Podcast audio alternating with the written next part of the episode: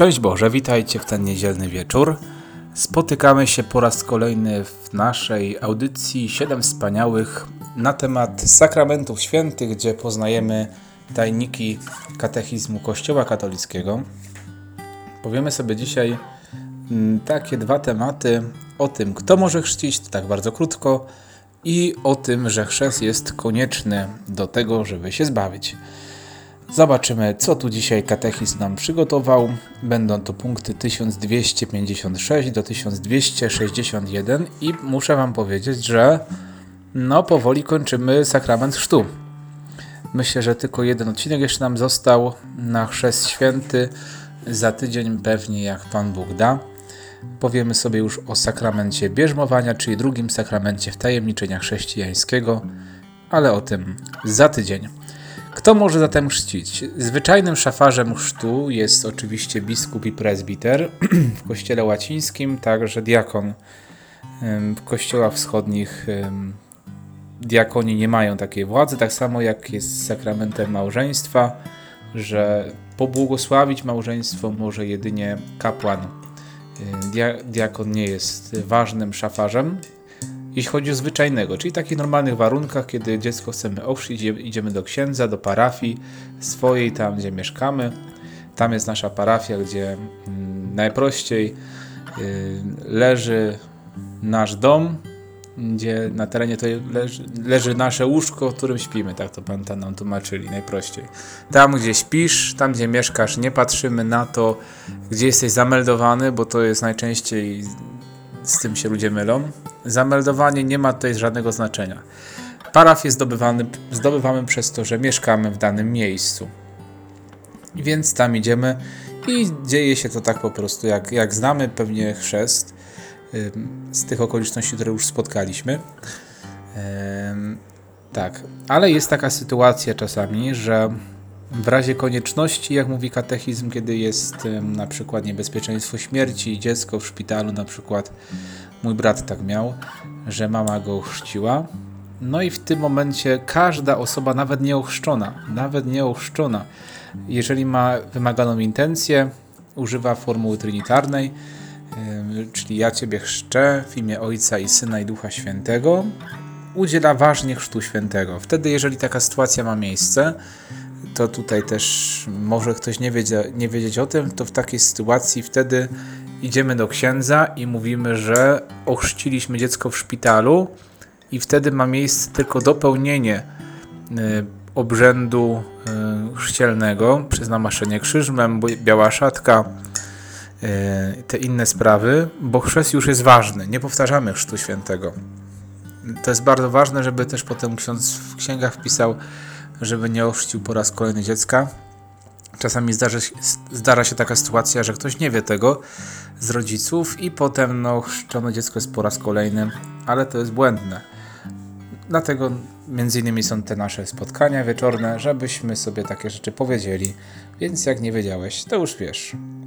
Warto, żeby umieć um, chrzcić. To jest coś takiego jak z RKO, że każdy człowiek powinien umieć tą resuscytację krążeniowo-oddechową. Dobrze powiedziałem? Chyba tak. Y, tak samo powinniśmy umieć y, chrzcić. W ogóle tak sobie teraz pomyślałem przed nagraniem zaraz, że powinno być chyba w szkole w ramach lekcji religii no, taki kurs chrzczenia. Chociaż to nie byłoby takie głupie, wiecie? Tak sobie myślę, że dlaczego nie? Nie tylko w seminariach księży, no ale każdy powinien umieć ochrzcić, bo to jest mm, no właśnie mm, Kościół chrzci, bo Pan Jezus nas do tego wezwał. O tym zaraz będzie jeszcze, jeszcze dalej. Ale jak tutaj mamy, mamy też odnośniki do różnych i fragmentów Pisma Świętego, i soborów, i kodeksu prawa kanonicznego. Hmm, Kościół dlatego na to się zgadza, bo hmm, jest powszechna wola zbawcza Boga, że chce zbawić każdego człowieka, ale także Pan Jezus kazał chrzcić, więc chrzcimy. W ogóle święta Faustyna miała taką podobną historię w swoim życiu.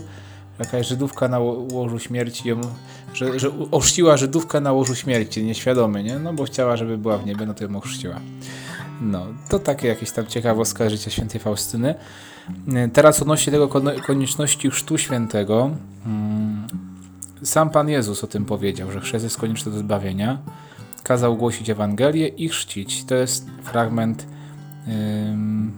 z Mateusza 28, 19, 20. To można powiedzieć, że też jest takim fragmentem, który można by uznać za y, ustanawiającym chrzest, tak? Przez Pana Jezusa. W ogóle to jest też ciekawe, że tam jest wymienione trzy osoby Trójcy Świętej, że tak nakazał Pan Jezus chrzcić. I każdy chrzest jest konieczny zbawienia dla tych, którym była głoszona Ewangelia i którzy mieli możliwość proszenia o ten sakrament. O tym mówi yy, katechizm, no bo yy, Kościół innego środka do zbawienia nie zna, tak, żeby zapewnić wejście do szczęścia wiecznego. Czyli my wiemy w Kościele, jeżeli chcesz się zbawić, no to musisz się okrzyć. Innej drogi Pan Jezus nam nie powiedział w Ewangelii. Nakazał robić tak, ale to jest bardzo mądre zdanie, ono mi się mega podoba. Bóg związał zbawienie z sakramentem chrztu, ale sam nie jest związany swoimi sakramentami. Bo czasami pojawia się takie pytanie, co z tymi ludźmi, którzy nie mogli usłyszeć Ewangelii, którzy zmarli bez chrztu? Nie wiemy, co z nimi się stało. To, że Pan Bóg może ich zbawić, to prawda. Pewnie nawet tak robi. Chociaż też to jest dla nas jakaś tajemnica, nie wiemy do końca, co się dzieje. My wiemy jedno. My jesteśmy posłani przez Jezusa, by głosić Ewangelię i chrzcić, udzielać sakramentów i głosić Boże Słowo, wprowadzać ludzi w tak, przez to we wspólnotę z Bogiem i, w, i do Kościoła. To jest dla nas, y, tak to Pan Jezus wymyślił. A czy On zrobi to inaczej, że jakiś człowiek się zbawi inaczej? No, Wierzymy, że tak, no bo to byłoby dla nas totalnie, nasza ignorancja tego nakazu byłaby dla nas totalnym potępieniem, bo ilu ludzi przez to, że nikt, na przykład ktoś nie chce się dzielić wiarą, i ludzi nie usłyszy o Bogu albo nie zobaczy Boga żywego w nas, bo, bo my będziemy się z tym kryli. Więc jest to pewne wyzwanie, które trzeba podjąć. Mm, ale piękne jest, to, piękne jest to zdanie, że Bóg związał zbawienie z sakramentem chrztu, ale sam nie jest związany swoimi sakramentami. Czyli sam może zbawić człowieka w inny sposób, ale my o tym nie myślimy. To już Pan mu się tym zajmie. My mamy jedno, nakaz od Pana Jezusa, idźcie na cały świat i głoście Ewangelię, nauczajcie wszystkie narody, udzielając im chrztu w imię Ojca i Syna i Ducha Świętego. Z tym zostawił uczniów i odszedł do nieba. Więc, no właśnie, nie usprawiedliwiajmy się, tylko róbmy swoje, a resztę zostawmy Panu Bogu bo i tak się nie dowiemy tak naprawdę, jak do końca jest, dopiero w niebie się dowiemy. Obyśmy tam trafili. Ale jest też um, um, taki kościół, ma takie przekonanie od zawsze praktycznie, że ten, kto nie otrzymał chrztu, ale podniósł śmierć dla Chrystusa, um, przyjął tak zwany chrzest krwi, także chrzest pragnienia, e, że one chociaż nie są sakramentem, przynoszą owoce chrztu. Czyli na przykład ktoś chciał być ochrzczony, ale nie miał możliwości, nawet nie miał jakiegoś totalnego pogadina, który by go ochrzcił. Wszyscy się na niego uwzięli i powiedzą, nie ochrzcimy cię. Chociaż mówią, mówię, możecie, możecie, przecież możecie mnie ochrzcić, bo nawet nie ochrzczony ochrzcił. Mówi, nie, nie ochrzcimy cię na, na złość dla ciebie, nie? No to nie jest wina tego człowieka, on by bardzo chciał, nie? Więc Kościół przyjmuje, że chrzest z pragnienia istnieje, tak samo chrzest krwi, czyli ktoś skoro oddał życie za wiarę, za Chrystusa, no to znaczy, że wierzył w niego, więc krew też może być e, też może być drogą do osiągnięcia życia wiecznego. Jeśli chodzi o katechumenów, to mm, tu mamy napisane w katechizmie w punkcie 1259 którzy umierają przed chrztem, ich wyraźne pragnienie przyjęcia tego sakramentu połączone z żalem za grzechy i z miłością zapewnia mi zbawienie, którego nie mogli otrzymać przez sakrament. Co też pokazuje właśnie prawdziwość tego zdania, że Pan Bóg nie jest związany swoimi sakramentami. Ci ludzie chcieli, przygotowywali się, żałowali za swoje grzechy, no ale nie, nie zdążyli, nie? To się raczej nie zdarza, pewnie no już na, jak widzą, że umiera, no to pewnie go oszczą na, tuż przed śmiercią, nie? Ale no taka możliwość też jest, nie? I ym, ponieważ Chrystus umarł za wszystkich i ostatecznie powołanie człowieka jest w istocie jedno, mianowicie boskie, powinniśmy utrzymywać, że Duch Święty wszystkim daje możliwość uczestniczenia w tym misterium paschalnym w tylko w Bogu znany sposób. To jest, e, tutaj mamy odnośniki do Soboru Watykańskiego II, do Gaudium Spes Konstytucji Lumen Gentium i dekretu o misji, działalności misyjnej Kościoła Argentes. Czyli, że jak ktoś no, nie poznał Pana Boga, nie poznał Chrystusa Kościoła, szuka prawdy, chce żyć zgodnie ze swoim sumieniem. Nawet o tym, za, za takie osoby się modlimy w liturgii Wielkiego Piątku, w tej modlitwie powszechnej, takiej pięknej. Że gdyby ludzie wiedzieli o tym, że to jest pięknie też zdanie powiedziane, że te osoby zapragnęłyby wyraźnie chrztu, gdyby wiedziały jego konieczności. No nie wiedziały, no bo to nie jest ich wina, tak? Ale gdyby wiedziały, no to na pewno by z tego skorzystały. Więc też Pan Bóg, wierzymy, że takich ludzi zbawia. Co jeśli chodzi o, grzech, o dzieci zmarłe bez chrztu? Hmm. Wierzymy, że e, my jako Kościół możemy je polecać miłosierdziu Bożemu, Bożemu. Hmm, jest nawet to podczas takiego obrzędu pogrzebu dla takich dzieci. I wierzymy, że Pan Bóg kocha, szczególnie kochał dzieci. Powiedział: Pozwólcie dzieciom przychodzić do mnie, Pan, Pan Jezus. Dlatego wierzymy, że jest dla nich jakaś droga do życia wiecznego. Sam fakt, że mm, wiele tych dzieci jest czasami zabijanych przez aborcję, więc też można powiedzieć, jest to pewnie jakiś rodzaj chrztu krwi. Modlimy się za, za te dzieci, yy, modlimy się, aby mogły oglądać Boga. Wiele dzieci tak naprawdę umiera z przyczyn naturalnych, nawet y, matka nie wie, że jest w ciąży i, poroni czasami dziecko w takich pierwszych stadiach jego życia, na pierwszym miesiącu, nawet tygodniach.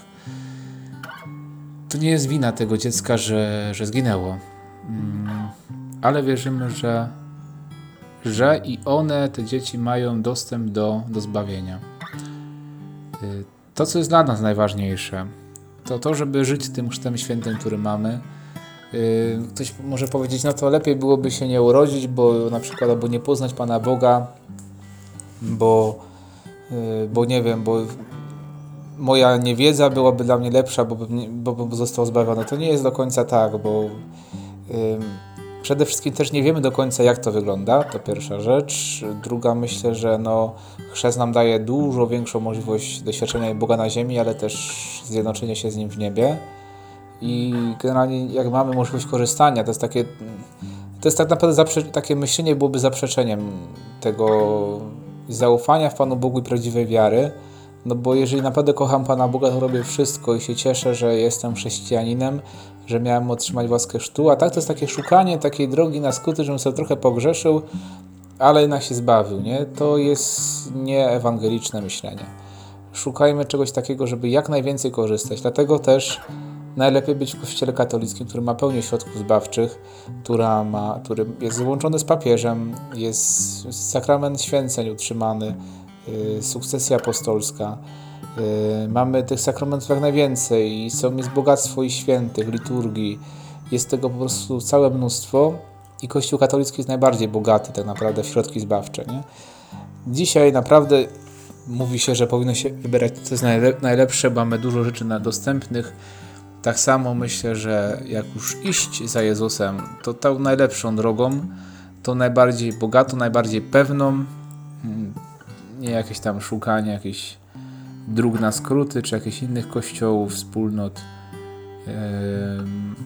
A Kościół katolicki jest przebogaty, przebogaty i tutaj mamy tą największą pewność tak naprawdę, że, że jest to droga do zbawienia. Nie mówię, że ludzie z innych kościołów, nawet nie wiem, jacyś tam protestanci, adwentyści, nie wiem, wielonoświątkowcy, że oni się nie zbawią. Mogą się zbawić. Nie mam nic przeciwko, żeby się ludzie zbawiali, nie? Ale no właśnie, Lepiej się trzymać tego, co jest pewne, co jest sprawdzone i co jest najbogatsze, a Kościół katolicki jest przebogaty w dary duchowe, możliwości środków zbawczych i odpusty zupełne, to jest w ogóle hardcore. Ile to daje w ogóle możliwości, coś niesamowitego, no i sakramenty, o których mówimy przecież, nie? Po to ta, ta seria jest, żeby się tymi sakramentami zachwycić, pokochać je i jak najowocniej z nich korzystać. 15 minut mija, dzisiaj trochę krócej, ale też no, będzie teraz w tym tygodniu tam 3 minuty trochę dłuższe. To odbiję te minuty sobie rano. E, no tak, trzymajcie się, dobrego wieczoru Wam życzę. Dzięki za uwagę. Dziękuję wszystkim, którzy dołączyli do kanału, bo też są nowe osoby. dziękuję za to, że coraz więcej ludzi słucha yy, Siedem Wspaniałych. Bardzo się z tego cieszę. Mam nadzieję, że to jakoś Wam pomaga.